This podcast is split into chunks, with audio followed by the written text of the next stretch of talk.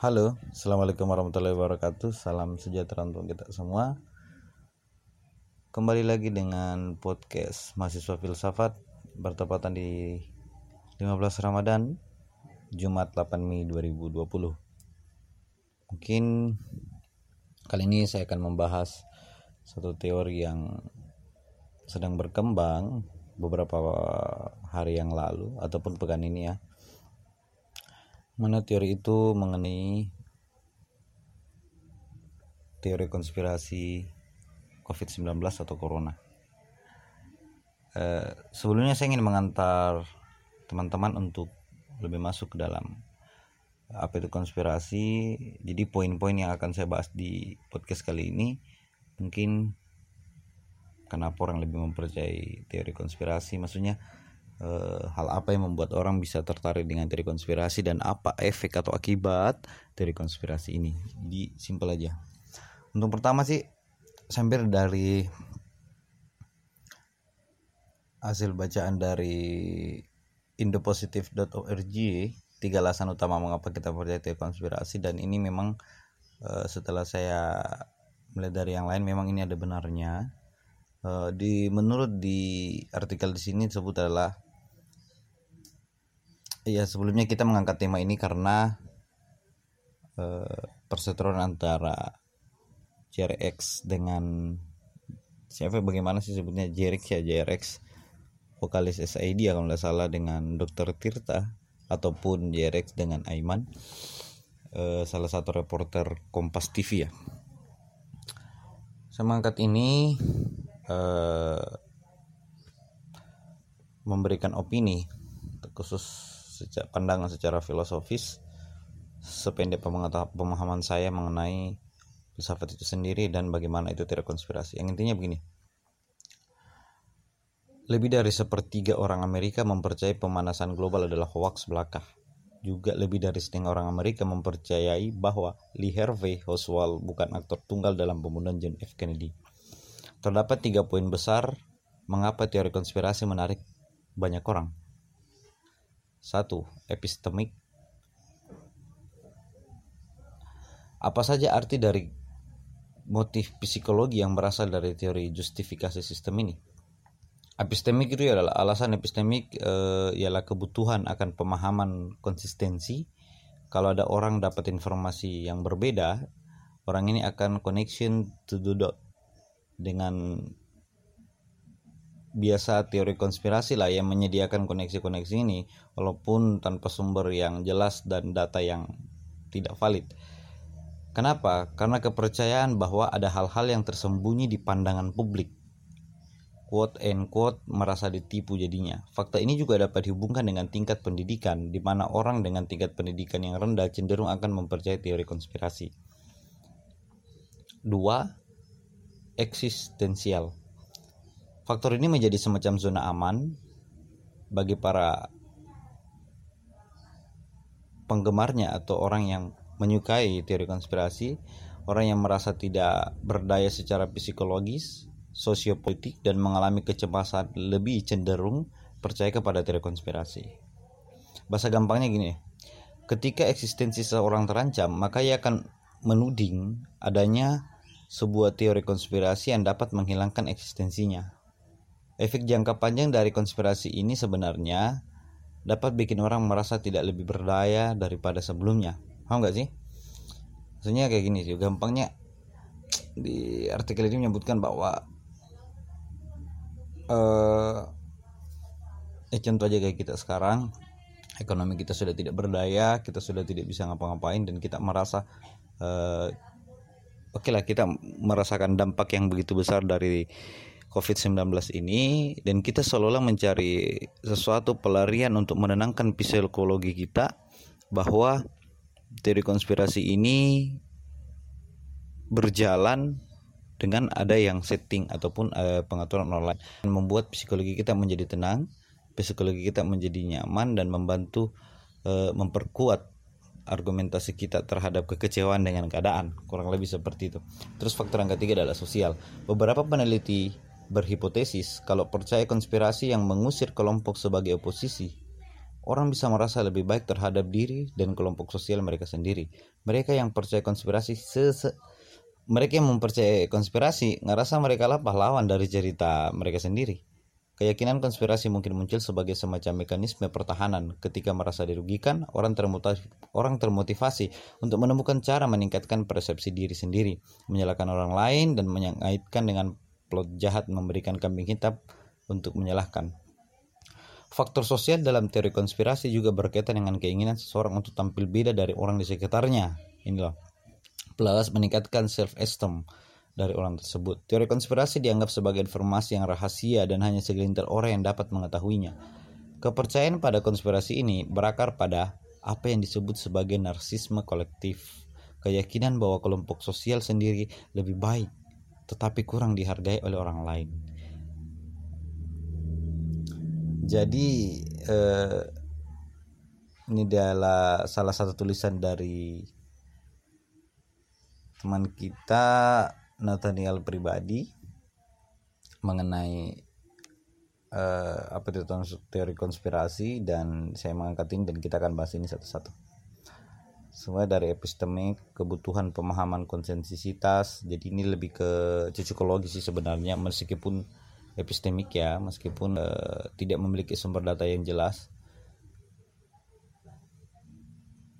Uh, itulah orang ini akan connecting to dot to dot dan biasa teori konspirasi yang menjadikan koneksi-koneksi ini. Jadi memang seolah-olah teori konspirasi ini mengaitkan beberapa hal yang uh, di luar pandangan biasa masyarakat biasa, masyarakat yang eh, maksudnya pandangan kita yang biasa dan mereka mencarikan titik penemu eh, mereka bisa mendapatkan lah uh, garis merah antara satu kejadian dengan kejadian lain, antara toko yang lain dengan toko yang lain, antara ini dan ini dan itu yang membuat uh, beberapa penggemar teori konspirasi atau pengagum teori konspirasi itu terus uh, mengembangkan teorinya.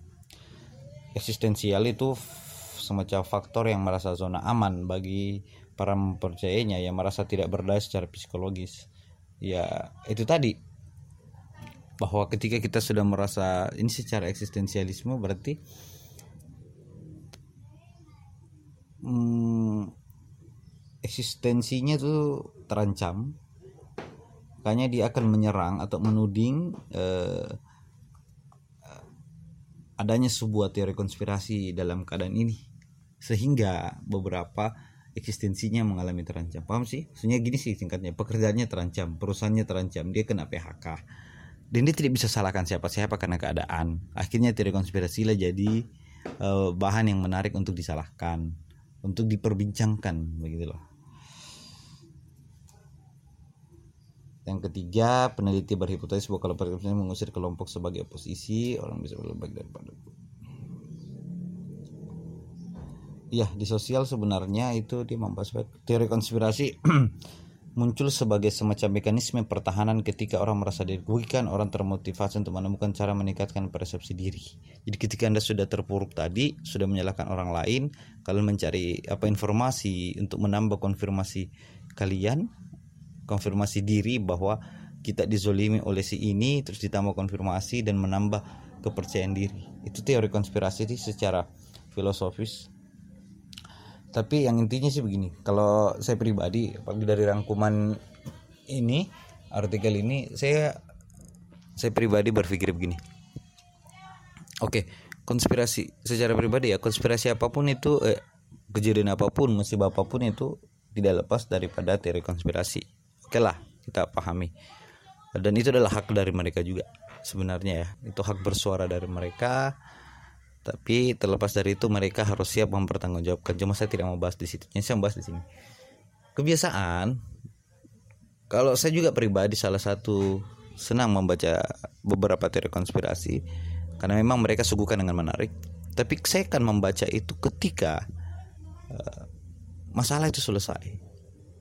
Eh, contoh tsunami Aceh tahun 2004 ya 2006 2004 atau 2006 ya teori konspirasi Aceh saya itu baru dapat tahun 2013 atau 2010 mengenai National Geographic yang menjelaskan bahwa adanya konspirasi kapal Amerika dan bla bla bla Oke lah kita enak. Artinya begini, sudah berselang beberapa tahun konspirasinya keluar, diperbincangkan dan mungkin tidak terlalu melukai si korban ataupun keluarga korban Nah, sedangkan COVID sekarang yang berkepanjangan yang masih hangat-hangatnya dengan kewaspadaan kita, kita masih sama-sama waspada, kita masih sama-sama menjaga diri. Terus disuguhkan, dibesarkanlah suatu teori konspirasi sehingga eh, secara tidak langsung dia mengganggu ataupun uh, tidak memikirkan perasaan dari korban yang terkena dampak COVID-19 entah korban jiwa ataupun korban sosial yang saya rasakan. Artinya begini sih, saya bilang, oke okay lah nanti kalian bahas konspirasi, tapi sama-sama kita baga bagaimana uh, memutus rantai COVID-19 untuk saat ini dulu.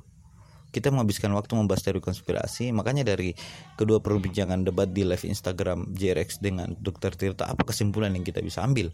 Kesimpulan saya yang saya pribadi yang bisa saya ambil dari keduanya adalah mereka membranding dirinya masing-masing.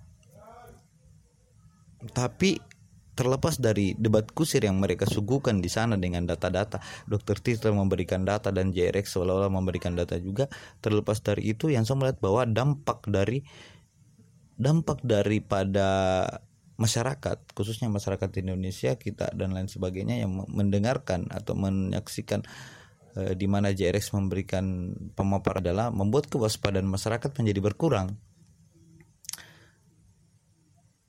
beberapa saya dapati bahwa oh mereka langsung berkata begini oh ternyata begini oh ya sudah kalau begini begini. Ah itu dampak paling besar sebenarnya. Bagaimana kita sama-sama ingin memutuskan rantai COVID-19 terus dimunculkan teori konspirasinya sehingga orang merasa menjadi superior lagi kembali bahwa ini adalah bagian dari ini dan saya harus seperti ini seperti ini. Dan itu sebenarnya yang paling fatal sebenarnya yang paling fatal menurut saya. Dan sekarang apa pentingnya juga dari konspirasi diangkat terus oke okay, oke okay, oke okay, kita anggap saja teori konspirasi yang disampaikan itu betul seandainya benar. Terus apa langkah yang dibawakan? Tidak kan? Sampai detik ini saya mungkin saya tidak dapat ya tapi kalau siapa tahu teman-teman sudah mendapatkan. Tapi yang jadi pertanyaan apa langkah besar hasil penelitian teori konspirasi mengenai COVID-19 itu intinya.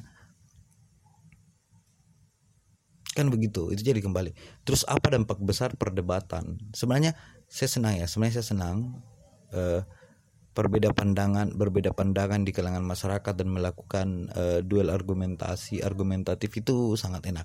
Tapi ini bukan duel argumentatif yang ilmiah ataupun yang enak untuk mengambil kesimpulan.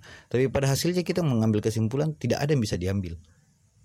Terlebih secara tidak langsung kita mengubah persepsi masyarakat mengenai dampak yang lebih besar.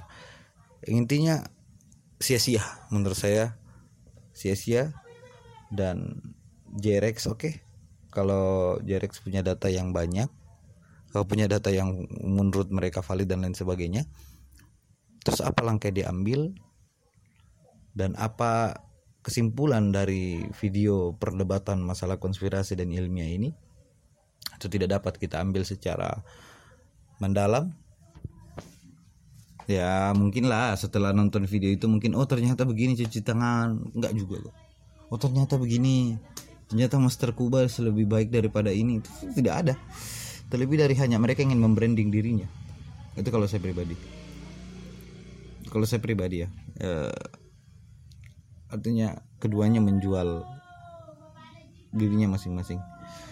Eh, hari mungkin sekian opini saya pandangan filosofis yang dibantu oleh artikel indopositive.org mengenai apa itu COVID-19 dan bagaimana pandangan teori konspirasi COVID-19 mengenai eh teori konspirasi COVID-19 dan ditinjau secara filosofis.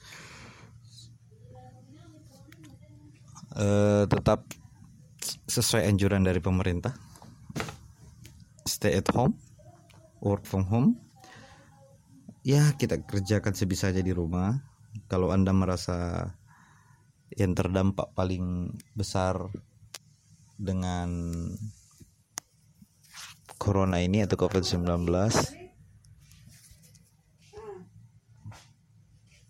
sadarilah bahwa bukan hanya kalian beberapa teman yang lain ataupun saudara yang lain juga merasakan dampak yang sama merasakan kerugian yang sama dan semoga kita dapat merasakan hal yang bisa normal kembali di waktu-waktu berikutnya dan segera diangkat ataupun selesai